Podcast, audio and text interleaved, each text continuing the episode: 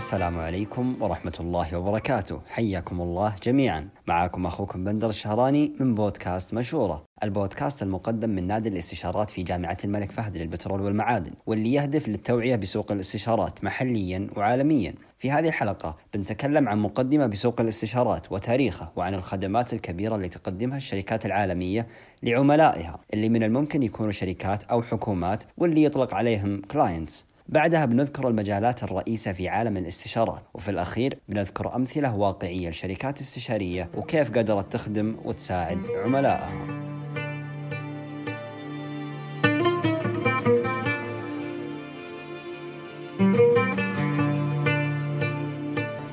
خلونا نبدأ بوش سوق الاستشارات بالضبط. ببساطة هي مجموعة من الشركات اللي تضم خبراء ونخبة من المختصين في مختلف المجالات بحيث يستفيدوا من هذه الخبرة في حل مشاكل الكلاينتس على سبيل المثال بعض شركات الاستشارات تضم خبراء في التقنية في الهندسة أو في الإدارة المالية والأمثلة تطول في هذا المجال. هل خطر على بالك أن تاريخ مجال الاستشارات يعود لأكثر من 120 سنة قام هذا المجال على يد شخص اسمه آرثر دي ليتل في الواقع آرثر كان شايف أن السوق يفتقد لشيء يمنعه من القفزات النوعية وكان دائما يواجه مشاكل استراتيجية وتنفيذية في الشركات.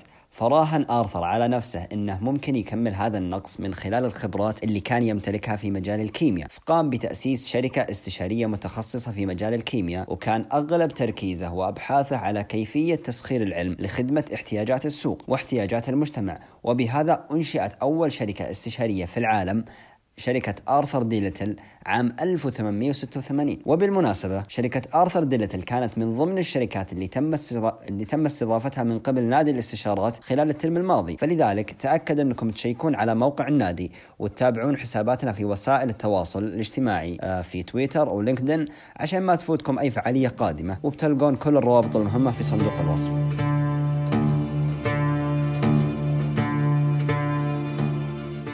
بعد شركة آرثر دي ليتل توالت الشركات في سلك هذا المسار فبعد 30 سنة أنشئت شركة بوز ألين هاملتون عام 1914 وكانت أول شركة تخدم القطاع الخاص والقطاع الحكومي وكانت النقلة النوعية لمجال الاستشارات في عام 1926 العام اللي أنشئت فيه شركة ماكنزي اللي تعتبر أول شركة متخصصة بالاستشارات الإدارية والاستراتيجية في العالم. ماكنزي اللي تعتبر في الوقت الحالي واحدة من أكبر الشركات الاستشارية العالمية تطورت بشكل كبير على يد مارفن بور اللي كان يقود الشركة بين عام 1950 و 1967 رؤية مارفن كانت أن الشركات الاستشارية لازم تكون بنفس مستوى الشركات القانونية والطبية وهذا الشيء اللي نجح بتحقيقه. وبعد نجاح رؤية مارفن بدأت الشركات الاستشارية بالتكاثر وأنشئت عدة شركات منها BCG واللي تأسست في عام 1963 على يد بروس هندرسون. وشركة Bain اللي تأسست عام 1973 وتعتبر الشركة الأولى عالميا كأفضل بيئة عمل حسب موقع Glass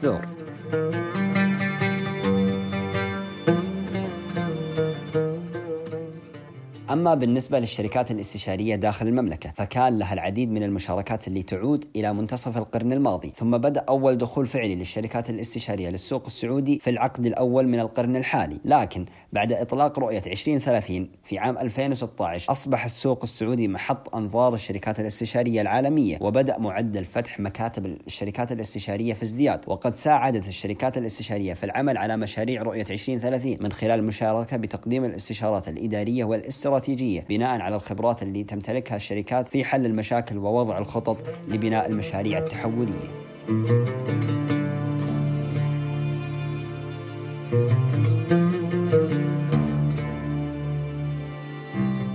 مجال الاستشارات مجال واسع لكن وش المجالات الرئيسة في عالم الاستشارات؟ في خمس مجالات رئيسية راح نتكلم بإذن الله عن كل مجال فيها. أول مجال هو هو التخطيط الاستراتيجي وطبعا هذا المجال هو أهم مجال بشهادة الأغلبية في شركات الاستشارات. والسبب بكل بساطة أن التوصيات اللي يرفعونها المستشارين في هذا المجال قرارات مصيرية للشركات والدول أيضا. فمثلا يتناقشون هل يتم استحواذ الشركات أو دمجها. ومثال على الاستحواذ والإندماج استحواذ شركة أوبر على شركة كريم لزيادة الحصة السوقية لشركة أوبر. مثال آخر اندماج بنك الأهلي مع بنك سامبا. أيضا يقوم المستشارين بالتخطيط للخطط بعيدة المدى ويحددون الرؤية للشركات وكيف طريقة العمل اللي تخدم هذه الرؤية. ثاني مجال هو مجال الاستشارات الخاصة بالعمليات أو ما يعرف بال operations والمستشارين في هذا المجال يحاولون يطورون من طريقة العمل أو يقللون التكلفة في طريقة العمل أو العمل بأكثر إنتاجية. فمثلا من العوامل اللي يركزون عليها هي العقود ال supply chain management ويطرحون حلول مثل ال outsourcing واللي هي بكل اختصار إنك تجيب شركة خارجية تنتج لك جزء من العمل من أجل تقليل التكلفة أو زيادة الكفاءة والجودة. غالبا أيضا من الأسئلة اللي يطرحونها المستشارين في هذا المجال هو كيف نقلل التكلفة أو كيف نزيد من كفاءة العملية العملية كيف نقلل التأخير الحاصل في العملية وهذا بشكل بسيط مجال الاستشارات الخاص بالعمليات. المجال الثالث هو مجال الاستشارات المالية. طبعا إدارة الموارد المالية شيء ضروري للحفاظ على مركز مالي قوي للشركات ولإدارة التدفقات المالية بكفاءة وفاعلية. لذلك لابد أنك تكون دارس القرارات المالية في الشركة بكل حذر. فالمستشارين في هذا المجال بالعادة لديهم خلفية واسعة جدا في الأمور المالية وكيفية إمكانية تطوير الشركة بهذه القرارات المالية. يعني المستشار في هذا المجال ينظر لأمور مثل الأرباح التكاليف التسعير ال risk management ومن ثم تقديم توصية لل client. ومن الأمور اللي ينظرون إليها أيضا هو كيف من الممكن تقليل الضريبة اللي تدفعها الشركة بطريقة نظامية وقانونية. المجال الرابع هو مجال الاستشارات الخاصة بالموارد البشرية. طبعا قسم الموارد البشرية هو قسم مهم جدا في أي منظمة وينقسم إلى التوظيف اللوائح والأنظمة الداخلية للموظفين التعويضات التدريب والتطوير. وبسبب أن الموظفين هم الحجر الأساسي لأي شركة وجد مستشارين متخصصين في هذا المجال لتقديم النصائح لشركات لتطوير ال HR عندهم. ففي هذا المجال غالبا المستشارين ينظرون لكيفية تدريب الموظفين بشكل كافي ومناسب لخطط الشركة. إذا صارت مشاكل الموظفين كيف يتم حلها؟ أيضا الفوائد والتعويضات المناسبة تقديمها للموظفين. ففي هذا المجال من أهم العوامل هو الموظف وتطويره بحيث يؤدي عمله كما هو مطلوب. المجال الخامس والأخير ولأن الأمور القانونية مهمة جدا وتساهم في استمرارية الشركات وجد مجال الاستشارات القانونية وهذا المجال يقوم بالحرص على التزام المنظمة وتوافقها مع الأنظمة وتحرص الشركات الاستشارية في هذا المجال على أن يكون العملاء متوافقين وبشكل كامل مع كل الأنظمة سواء كانت أنظمة داخلية للشركة أو أنظمة حكومية. بشكل مختصر هذه أبرز وأهم المجالات اللي ممكن يشتغل فيها المستشار. ونحب ننوه على أن مجال الاستشارات واسع جدا وغير منحصر على المجالات اللي ذكرناها سابقا. وبكذا نكون أنهينا الجزء الخاص بالتعريف بسوق الاستشارات والآن ننتقل لأمثلة واقعية وكيف الشركات الاستشارية تقدم قيمة عالية لعملائها.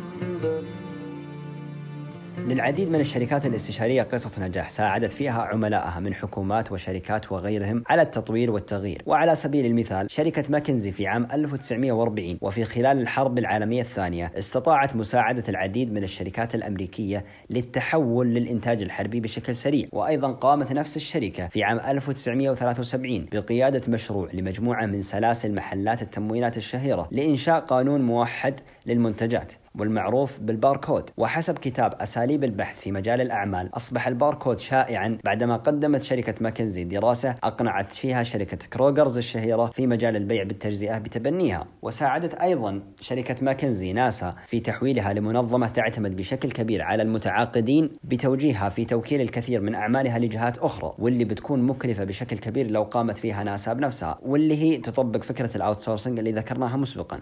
بالإضافة إلى شركة ماكنزي هناك أيضا شركة آرثر ديليتل العريقة في مجال الاستشارات اللي ساهمت في كثير من الأشياء مثل تنظيم أول معمل بحث وتطوير أو ما يعرف بال R&D لشركة جنرال موتورز في عام 1911 وهذا اللي دفع شركة جنرال موتورز لاحقا لإنشاء قسم استشارات إدارية خاص بالشركة. ومن هنا كانت بداية الاستشارات الإدارية لشركة جنرال موتورز وفي عام 1968 صممت شركة آرثر ديليتل أنظمة بورصة ناسداك للندن وطوكيو. كما ساعدت الشركة أيضا في خصخصة السكك الحديدية البريطانية اللي تعتبر عموما واحدة من أكثر عمليات الخصخصة تعقيدا في العالم.